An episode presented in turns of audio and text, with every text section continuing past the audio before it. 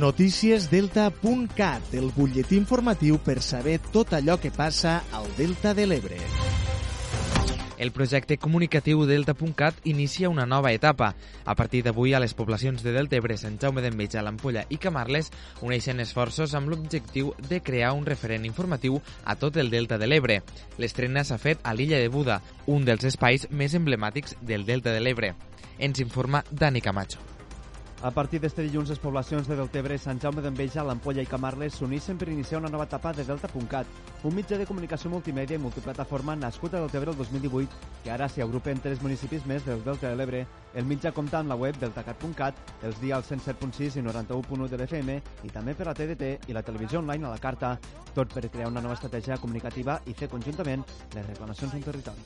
Aquesta fragilitat portada a l'extrem en la línia de costa, però també en les infraestructures i en l'acció pública del dia a dia als nostres municipis ha de fer que en la veu de Delta.cat també poguéssim eh, donar aquest punt de solemnitat i de dignificació a la ciutadania del nostre país. Estem en un moment eh, delicat, en un moment que ha d'haure, serà necessari que anem molt tots a una, que sentin la, la nostra veu i per això serà importantíssim eh, la col·laboració de, de Delta.cat i potser l'eina de, del delta.cat a través de la ràdio, de les pàgines web, de, pot ser també una manera de difondre molt més aquesta situació del delta, que si no ens preocupem tots i no fem alguna cosa, eh, desapareixerà.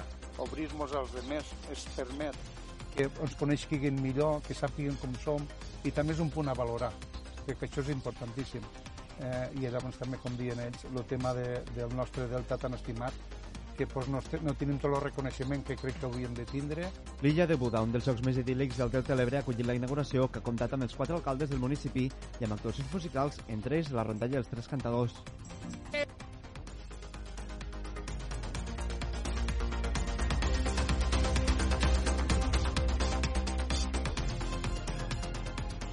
L'Eurodelta estrena la seva versió digital en format targeta moneder. L'Ajuntament de Deltebre, amb la col·laboració de CaixaBank i Fundació La Caixa, estrenarà aquest mes d'agost la versió digital de l'Eurodelta, la moneda de Deltebre, mitjançant una targeta moneder nominal amb l'import de l'ajut corresponent que només es podrà utilitzar a la xarxa de comerços habilitats. La moneda de Deltebre està en funcionament des del mes de novembre de l'any 2020, amb bitllets de 5, 10 i 20 eurodeltes, i es pot bescanviar en més de 60 comerços del municipi.